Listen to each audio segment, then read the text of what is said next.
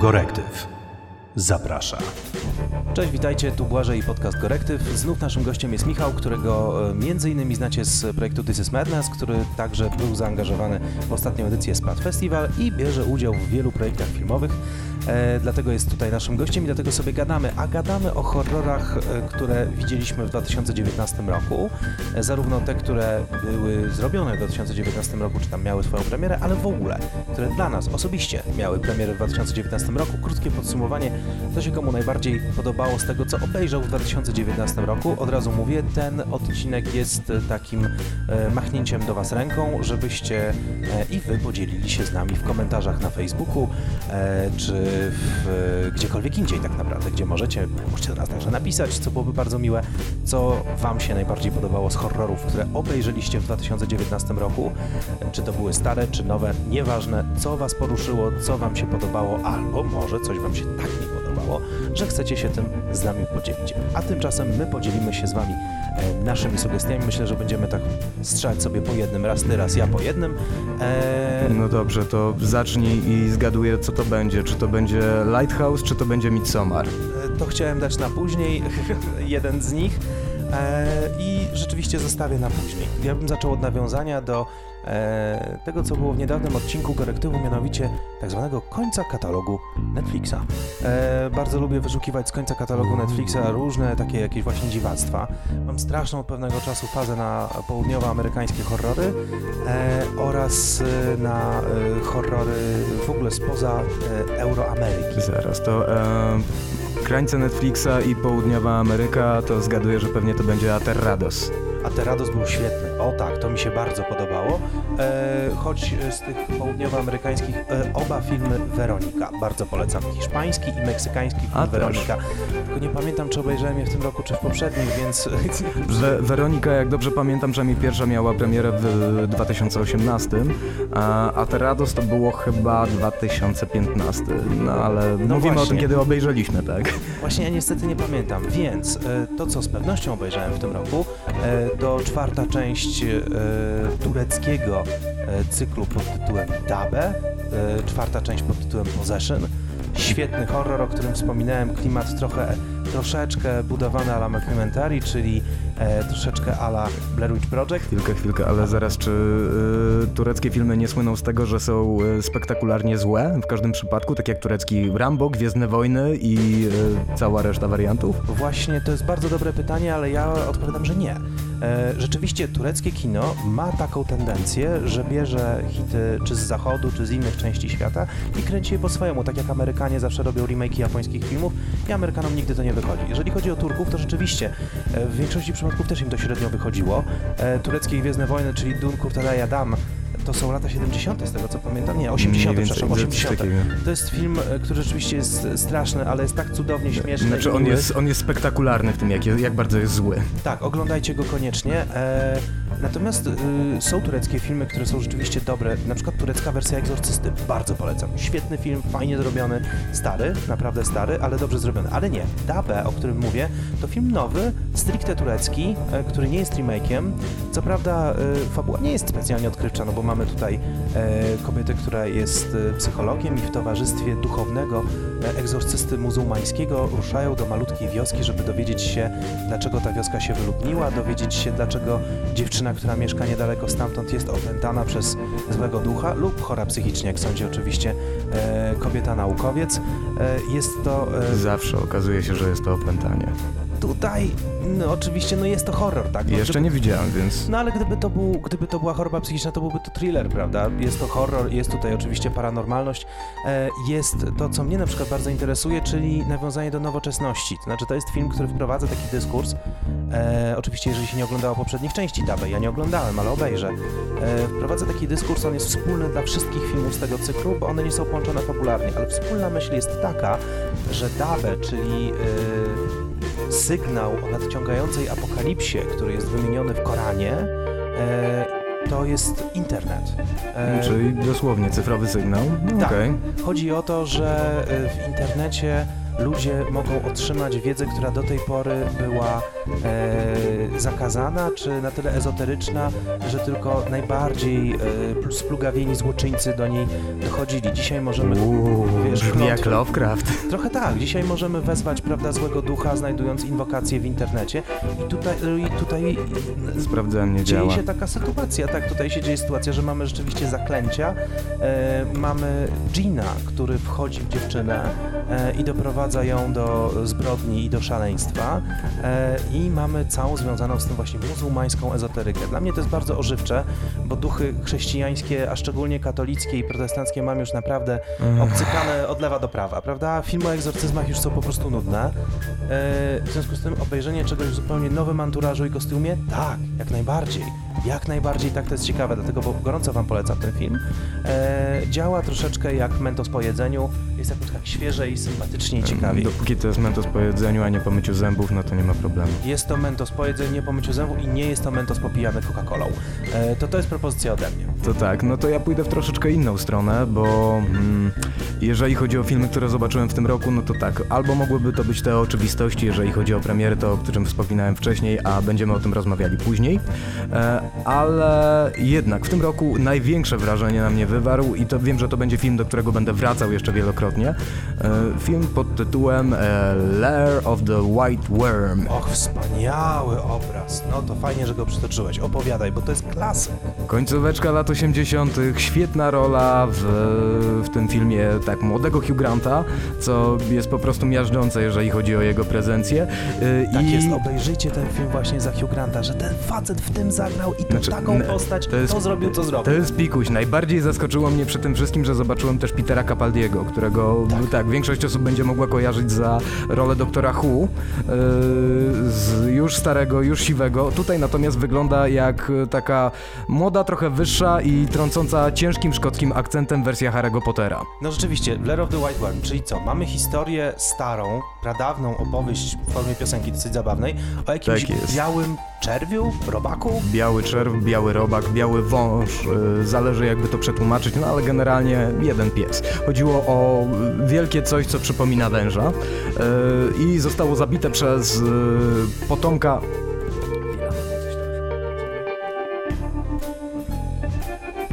A, zostało zabite. I ten biały wąż został zabi ten, zabity przez y, jednego z przodków y, Hugh Granta y, i, znaczy, i z, racji, z racji tego rokrocznie jest urządzany wielki bankiet, na którym właśnie możemy usłyszeć cudowną piosenkę country y, opowiadającą o tym, w jaki sposób wielki rycerz zabił Robala. Wetnę ci się, bo to jest na podstawie Brama Stokera, słuchajcie. Tutaj, przepraszam, z całym To jest bardzo luźno na podstawie Brama Stokera. ale opowiadanie The of the White Worm napisał Bram Stoker, więc nie kij pierdział, okej, jest, to, jest to na luźno, bardzo na luźno. W ogóle obserwowanie Hugh Granta w horrorze to trzeba być bardzo, mieć luźną dupę, ale mimo wszystko, no Bram Stoker, no kurde, bele. Znaczy, adaptacja, jeżeli chodzi o poziom, no to mnie jest mniej więcej taka jak w większości adaptacji Lovecrafta, czyli e, jedziemy sobie bardzo luźno, jeżeli chodzi o materiał źródłowy i na jego podstawie wyciągamy nowe rzeczy. No tutaj jest po prostu przepięknie, bo e, Peter Capaldi jest e, takim młodym, lokalnym Indianą Jonesem, który poszukuje pozostałości po rzymskiej osadzie, która była jeszcze z, za dawnych czasów właśnie w tej miejscowości, gdzieś tam na północy Anglii. I e, odkopując ją, znajduje tajemniczy artefakt, przez który można przywołać e, wszystkie niecne węże, e, czy inne te białe wermy. Brzmi bardzo tak e, Lovecraftowsko, tajemniczy artefakt, Gdzieś, tam. gdzieś w tą stronę mniej więcej. Na miejscu oczywiście znajduje się mm, kobieta, tajemnicza kobieta, hrabina Sylwia Marsz. Ma, to jest ta, którą gra Amanda Donahill, ta przepiękna? Tak jest. O, no, tak. Cudowna, niesamowita, seksowna. Kobieta wąż, prawie jak z horroru Hammer Horror, tylko lepiej. No i właśnie, i powiedziałeś kobieta wąż, y, ona dąży do tego, żeby przywrócić wielkiego białego robaka. piękna kobieta chce przywrócić wielkiego białego robaka. Mm, Aha, tak. e, super. To jest tak, jeżeli chodzi o film, to spokojnie go kładę mniej więcej na tej samej półeczce, albo gdzieś przynajmniej w okolicach, co, e, co Evil Dead, co Kobieta Jeleń, co inne filmy mniej więcej tej klasy, bo jeżeli chodzi o potencjał horrorowy jest naprawdę świetnie, ale jeżeli chodzi o potencjał humorystyczny, Peter Capaldi ubrany w kilt y, i y, grający na dudach po to, żeby oczarować wężołaki, no to to jest scena, którą to trzeba zobaczyć. Po- Powtórzmy to jeszcze raz. Peter Capaldi grający na e, dudach tylko po to, żeby oczarować wężołaki. Tak, właśnie to usłyszeliście. Tak, Hugh Grant miał na to lepsze rozwiązanie, ale nie będę do końca zdradzał. Tak, to prawda. Naj, naj, to co najlepsze rzeczywiście w tym filmie da nam Hugh Grant, ale e, tego zdradzać nie, nie powinniśmy. Nie powinniśmy. Bo to rzeczywiście zabije wam, zabije wam całą, całą zabawę tak naprawdę. E, dobrze, teraz moja kolej i no rzeczywiście, kurczę, no jak, e, jakby ubiegłeś mnie, bo e, chciałem rzeczywiście powiedzieć o Lighthouse, e, ale może to nie, może rzeczywiście go sobie odpuszczę, bo jakby o Lighthouse na pewno czytaliście. O Lighthouse na pewno słyszeliście, recenzji było mnóstwo, to jest rzeczywiście film, jak dla mnie, totalny, wybitny, No genialny. oczywiście, 200 na 10. Tak, jak najbardziej. No i rzeczywiście może ja tutaj nic mądrego na ten temat nie powiem, więc po co mieszać wodę w tej dobrze zrobionej kawie? Em, film, który może niespecjalnie mnie jakoś e, rozłożył na łopatki, ale podobał mi się pomysł. Oglądałem go w kinie i zdecydowanie polecam go e, jako film do e, zarówno takiego seansu, a obejrzę sobie horror, jak i do seansu obejrzę sobie go z kimś, albo na przykład na imprezie, mianowicie Brightburn, Syn Ciemności.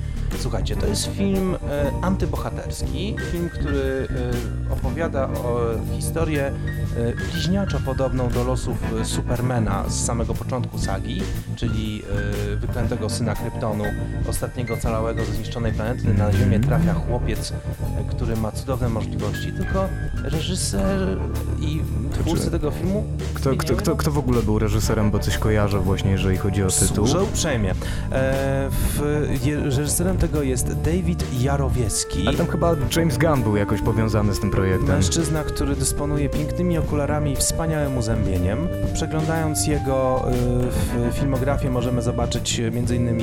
to, że brał udział w Strażnikach Galaktyki, brał udział w filmie The Hive. E, nie jest jakiś specjalnie imponujący do niego dorobek, ale trzymamy kciuki i mam nadzieję, że e, wszystko Właśnie, będzie już dobrze. wiem, bo to było tak, że chyba producentem został James Gunn i on akceptował scenariusz, czy coś, coś w tym stylu mniej Już się więcej. wgłębiamy w dodatkowe szczegóły, bo przecież czemu nie?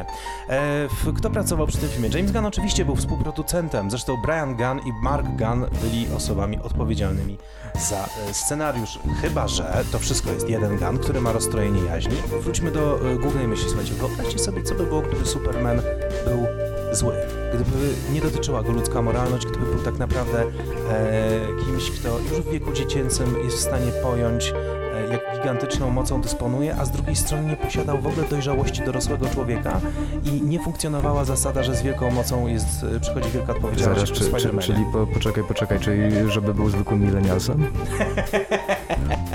Coś ten deseń. E, w, mamy tutaj małego chłopca, który e, dysponuje niesamowitą mocą, ale z drugiej strony psychicznie jest dalej małym chłopcem. Więc w momencie, kiedy się wkurza, e, zaczyna robić rzeczy straszne. E, I e, ten właśnie e, mały chłopiec zamiast ratować świat, staje się szybko jego zagładą. E, pomysł mi się bardzo podoba. Sam film nie jest może jakiś turbo wybitny, ma trochę takich klasycznych jumpscarów, e, trochę makabry, trochę fajnej przemocy, e, ale to, co mi się w nim najbardziej podoba, to pomysł, który jest odświeżający, który jest ciekawy e, i film w fajny sposób się kończy, zostawia otwarte zakończenie.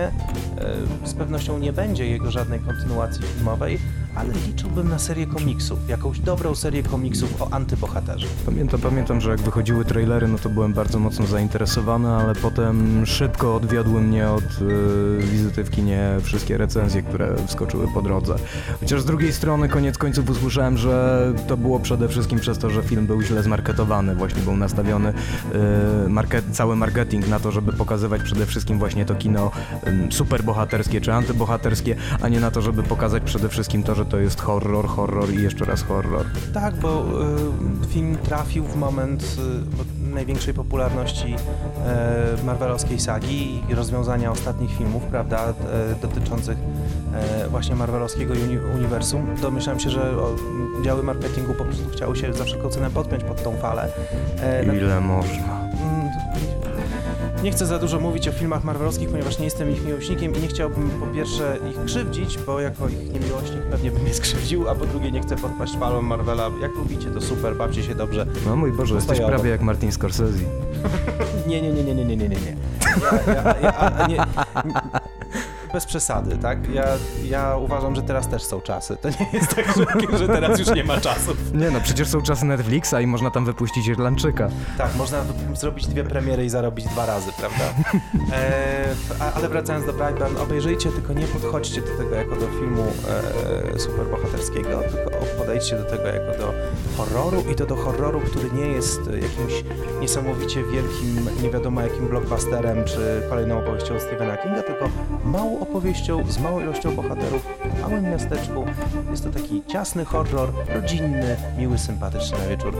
Ja uważam, że warto zdecydowanie. Do obejrzenia w Boże Narodzenie, czy Tak, ja, ja w Boże Narodzenie tak, zdecydowanie. Brightburn na Boże Narodzenie. całą biorę. rodziną. Tak, tak, proszę bardzo, super. No to jedziemy z kolejnym od ciebie. Kolejny, no to dobrze, no to ja też wyciągnę znowu kolejną perełkę z przeszłości, żeby nie być e, tak oczywistym. To będzie, to będzie film e, Ciemne Wody, Dark Waters z 93. Żeby było ciekawie, jest to chyba jeden z ostatnich filmów e, typu Nunsploitation, który był wypuszczany jeszcze w takim porządnym, klasycznym nurcie. Mhm. E, użyłeś rosyjskiego tytułu. To jest rosyjski film? To jest koprodukcja, jak dobrze pamiętam, albo amerykańska, albo angielsko-włosko-rosyjska. Historia jest dosyć standardowa, bo oczywiście, jak zawsze, chodzi o koniec świata, chodzi o uniknięcie apokalipsy. No i zwiastunem apokalipsy jest e, gigantyczny medalion bestii, e, który wygląda trochę jak e, no, takie, nie wiem, nie, niedorobiony bochen chleba z demonem wypieczonym na górze. Natomiast... Strzeżcie się piekarza.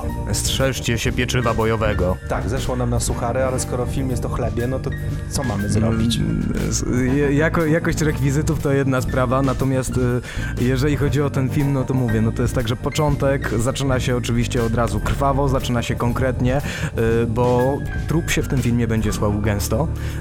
Y, Film jest nastawiony przede wszystkim właśnie na stronę wizualną i to bardzo, bardzo, bardzo mocno, gdzie dialogów nie ma aż tak dużo, jeżeli są, no to nie są aż tak bardzo soczyste. Y, Jakbym miał do czegoś przyrównać, y, najbliżej by mi było do Suspirii Dario Argento. O, E, no proszę, ale z drugiej strony zobacz, reżyserem jest Mariano e, Baino, czyli e, nazwisko, wydaje mi na- nazwisko brzmiące włosko, czy to jest... E, Jest, na, reżyser pe- na tej- pewno jest Włochem.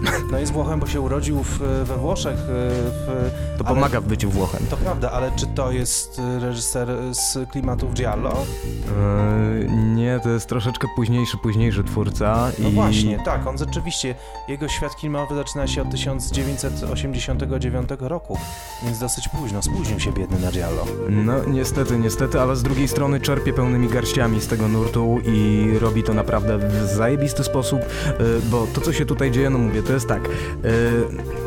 Skojarzenia, jeżeli chodzi o estetykę z Suspirią są bardzo mocne. Ten film nie jest aż tak bardzo soczysty, jeżeli chodzi o wykorzystanie kolorów, ale jeżeli chodzi o granie kadrem, o pracę kamery, to na pewno jest to wyciągnięte w taki sposób, że no, skojarzenia aż się same nasuwają.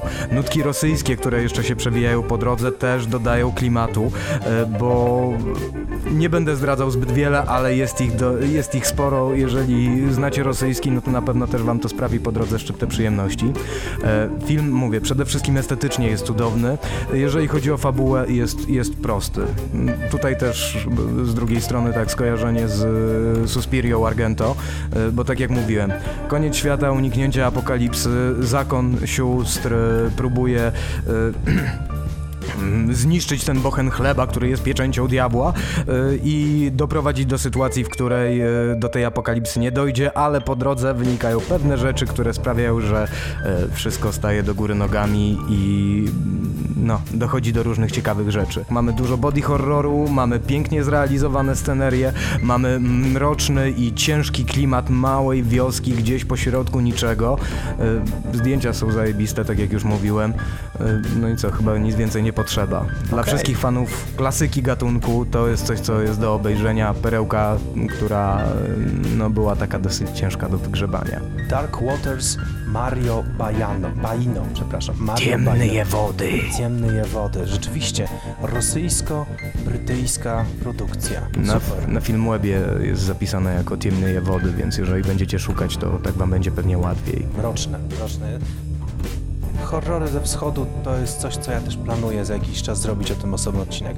Słuchajcie, ostatnia propozycja ode mnie e, to e, propozycja, która e, mi się podobała, natomiast wzbudza pewne kontrowersje. E, już mówię dlaczego. Otóż e, film e, Truposze nie umierają, czyli horror o zombie Jima Jarmusza. To film, który mi się bardzo podoba, ale oglądając go zdaję sobie sprawę, że gdyby nie nakręcił go Jim Jarmusch, ale ktokolwiek inny, to niestety ten film do kin nigdy by się nie dostał i Mm, pies gdy- z zasraną nogą by się tym nie przejął. Gdyby nie Jarmusz i gdyby nie obsada, którą pociągnął za sobą. To prawda, jest tu Bill Murray, jest tu Adam Driver, jest tu Tilda Swinton, jest tu Steve Buscemi, jest tu Selena Gomez, jest tu Tom Waits, jest tu Iggy Pop, jest tu Ryza. Jezu. no to jest Tylko dlatego wszyscy to poszli oglądać. Tak, ale ja tutaj muszę wystąpić jako adwokat diabła. E, Film, który chciałem zobaczyć ze względu na reżysera. Film, który e, gdyby ktokolwiek innego nakręcił, rzeczywiście wszyscy by go osrali, ale ja uważam, że to jest film fajny. To jest film oczywiście, jak przystało na Jarmusza, o niczym. Jak przystało na Jarmusza, to jest film, w którym nie dzieje się nic, w którym fabuły nie ma, za to są ciekawe postaci i te postaci oglądamy e, i, i one nas bawią, interesują i tak dalej. E, to jest typowe dla Jarmusza. Stawiamy Mm. galerię ciekawych bohaterów, rzucamy szczury do labiryntu i zobaczymy, co się dzieje. Jeżeli się nic nie dzieje, to trudno, ale przynajmniej zrobiliśmy fajne I postaci. kończy się na tym, że jeżeli widziałeś jeden film Jarmusza, to widziały się wszystkie. Trochę prawda, tak. E, ale film ogląda się bardzo miło. E, ja, choć nie korzystam z marihuany, miałem wrażenie, że to jest właśnie taki marihuanowy film, który totalny chill out u ciebie produkuje. E, jeszcze plus muzyka, która jest też taka nostalgiczna, nastrojowa e, i właściwie, no dobra, niech nas zaczną te zombie. Znaczy, dobrze, nie, no. Jeżeli chodzi o to zielsko, no to mogę się jeszcze zgodzić, ale z Jarmuszem mam ten problem, że jestem w stanie obejrzeć tak mniej więcej jeden jego film na rok, bo jeżeli będzie tego więcej, no to jest tak, że mam już po prostu totalny przesyt. Niestety w tym roku miałem już dwa i Truposze nie umierają były tym drugim. Nie podeszły ci zupełnie. Za dużo, za Okej. dużo. Bardzo dobrze. Słuchajcie, jeżeli wam się nie podobały Truposze, to też o tym napiszcie do nas. Mi się podobały, ja je polecam e, jako, jako film e, wesoły, ale może nie jako czołowy reprezentant gatunku horrorów, tylko jako zabawę. E, reżysera, który chyba już po prostu sam nie wiedział, co ma ochotę nakręcić, więc no dobra, to dzisiaj zrobię horror. Ocie, fajna obsado. Zrobimy sobie horror, zarobimy sobie parę milionów dolarów. To jest ten moment, w którym będziemy mówili o Midsommar. E, jeżeli chcesz, to tak. Wydaje mi się, że no trzeba. Jeżeli mamy podsumować 2019, to bez tego filmu by było ciężko. Okej, wchodzimy zatem w Midsommar w biały dzień tłumaczony na polski. Ja nie wiem, dlaczego tego nie zrobiono na przesilenie na przykład, albo nie wiem, równonoc. Naprawdę jest tyle ładnych wyrazów, ale biały dzień. Głównie dlatego, że teraz jest jakaś durna moda na to, żeby dodawać e, rzeczy do tytułów, które oryginalnie brzmią po prostu dobrze. Gdyby zostało samo Midsommar, no to by nie było problemu. No ale niestety, dostaliśmy coś takiego. Okej, Póki to nie jest wirujący seks, to nie jest tak źle. to prawda, choć yy, wirującego seksu nie odrzucamy, lubimy, popieramy, klikamy, lubię to, yy, praktykujemy. E, ale wróćmy do Midsommar. E, 2019 rok amerykańsko-szwedzki, który w ogóle był no, strasznie rozreklamowany jako następca Hereditary. To miał Znaczy być... no następca, no bo w końcu ten sam twórca, więc jego Tak. drugi do pełno, ten dopiero pełnometrażowy film. No... Ja byłem, przyznaję szczerze, Hereditary zawiedziony. Tam było parę fajnych rzeczy, ale jak dla mnie to był film, który traktował widza jak skończonego debila. I pod koniec mu przez pół godziny wyjaśniał, po co ty to w ogóle wszystko oglądałeś. Znaczy właśnie z Hereditary miałem jeden problem, miałem problem z samą końcówką, czyli e, to było pośpieszone, to było zbyt proste i to było zbyt uładzone. Tak jak pierwsza godzina filmu, może troszeczkę więcej, było zajebiste, szczególnie ze, ze słupem, który naprawdę sam poczułem na swojej twarzy. To prawda. I aktorka grająca matkę. Szacun, szacun, szacun. Poezja. No i sama struktura fabularna też naprawdę wypadała całkiem fajnie i to było jakieś ożywcze i odświeżające, właśnie dopóki nie doszło do tej samej końcówki, która była jak konstrukcja cepa No. i wykładanie jak krowie na rowie. Tak, do, albo nawet krowie w rowie. Ja się poczułem w rowie krowy i poczułem się osrywany takim gęstym kałem przez reżysera, jak te fragmenty maskałowych spływają po włosach, za uszy i jak długo będę musiał się No z tego dobrze, już się tak nie rozkręcaj, bo wyjdzie na to, że jestem kaprofilem. Jesteśmy w korektywie, sorry Andrzej, tutaj niestety klimaty. E, ale nie, okej. no ale dobra, Hereditary ogólnie, ogólnie mi się naprawdę podobało i uważam, że to akurat z tamtego roku był jeden z najlepszych horrorów, które wychodziły, więc y, można wieszać psy za tą końcówkę, ale i tak było naprawdę zajebiste.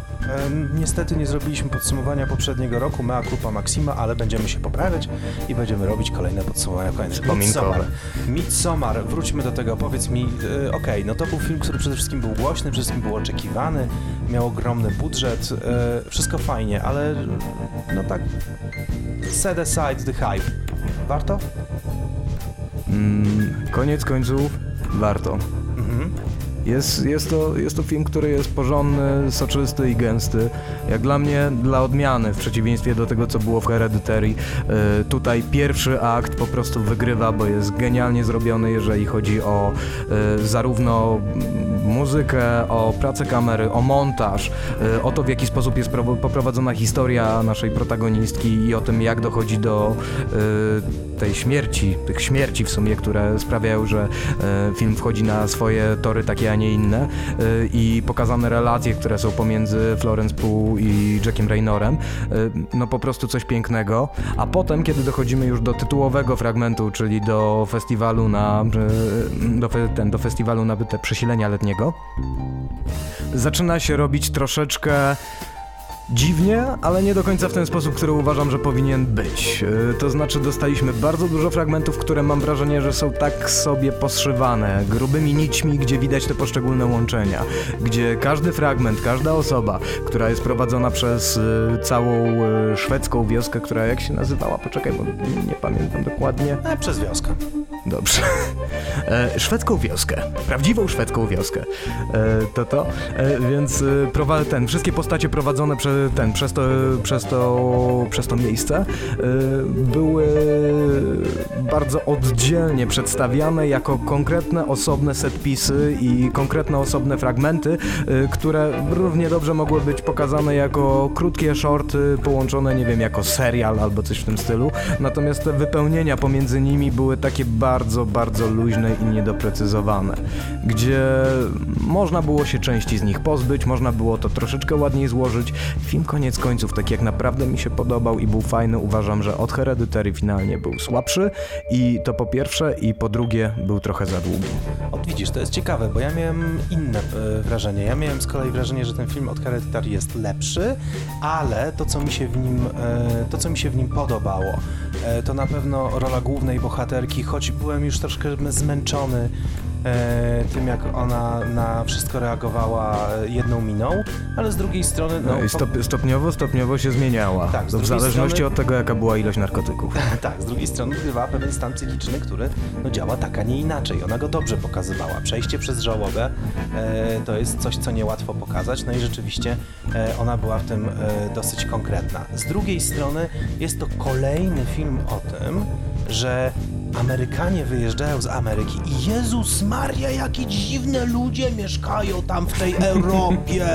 Jak był hostel, to Jezu, w tej Słowenii to dzieci jedzą Jakiej ludzie. Słowenii to było na Słowacji? Na Słowacji? No właśnie, to tam dzieci biegają dzikie i tam ludzi jedzą, a jak przyjeżdżamy do Polski, to tam w ogóle psy dupami szczekają w ogóle, Jezu, a w ogóle, oni mają tam takie budynki, co starsze niż 100 lat, co? Jezu! No i tu jest dokładnie to samo. Przyjeżdżają te Amerykany. O Boże! Tej Skandynawii to oni mają, mają jako prastaro kulturę. W jakie lasy, jakie zioła. Ojej! Co prawda ktoś, kto siedział obok mnie, wspominał, że a wiesz co, bo to jest z Islandii wzięte, to jest ze Szwecji, to jest z Danii i tak e, e. Trochę pomieszanie z poplątami. Znaczy nie, no akurat jeżeli chodzi o Ariego Astera, no to w tym przypadku zrobił naprawdę konkretny research, bo tak no, wymieszał wszystkie, wszystkie możliwe mity i wszystkie możliwe, e, wszystkie możliwe e, święta, które są związane z przesileniem letnim, e, ale zrobił to według mnie w taki sposób, że to się wszystko w miarę czyta i w miarę możliwości składa do kupy, e, więc jak dla mnie jest ładne, ta estetyka, którą tutaj narzucił też jest bardzo fajna, z tymi bielami, błękitami, z tym takim wykończeniem jak gdyby całej scenografii w e, ten mocno, mocno skandynawski sposób. Wygląda to zajebiście. Plus do tego jeszcze jedna rzecz, czyli Ari Aster pełnymi garściami, e, tworząc ten film, wziął po prostu wszystko, co się dało z najpiękniejszych filmów lat 70. i 80., z tego folkowego horroru, który zaczął się nam gdzieś, powiedzmy, no mniej więcej od Wickermana z Christopherem Lee, nie tego z Nicolasem Cage'em, ale do niego też były nawiązania. Pamiętamy, 44. E, tak czy tak. E, więc z tej strony, ewentualnie właśnie jeszcze z wariantów okultystycznego horroru, gdzie było Blood on Satan's Claw, e, produkcje od, e, od Hammera, te brytyjskie, e, no i tropów, które tam się przewijają po drodze i tych takich małych, drobnych niuansików jest cała masa. To prawda, malarskość filmu jest ciekawa, no i warto też zwrócić uwagę na narkotyczność filmu. E, chyba w ogóle XXI wiek e, to jest e, wielki powrót kina narkotycznego po kinie alkoholowym e, lat 90. i 80. Całe szczęście.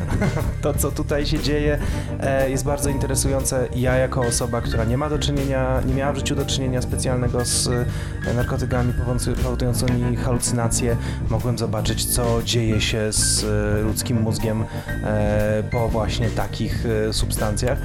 Uważam, że świetnie to pokazał reżyser. Ja odczuwałem głęboki niepokój, kiedy nagle fragmenty ekranu zaczynały się dziwnie zachowywać, że gdzieś na peryferiach mojego pola widzenia coś się zaczynało odkształcać. Próbowałem za tym nadążyć, to znikało. Oj tam, oj tam, dzień jak co dzień idzie się przyzwyczaić. No tak, no. Wiesz, ja na studiach byłem naprawdę dawno temu. I chyba bardzo krótko. Kochani, e, obejrzyjcie Midsommar. E, ten e, podtytuł Biały Dzień, który nas troszeczkę zirytował, tak naprawdę ma swoją zaletę, bo to jest film dzienny. Tak jak większość horrorów odbywa się w nocy, to tutaj rzeczywiście wszystko Znaczy- odbywa się w dzień, wszystko jest jasne. To, to też jest y, gdzieś po drodze nawiązanie do tego folkowego horroru, bo one też były zawsze realizowane przy świetle dziennym. Akurat wtedy było to przede wszystkim dlatego, że po prostu nie było budżetu na to, żeby wyświecić całe plany w nocy, ale to już inna sprawa.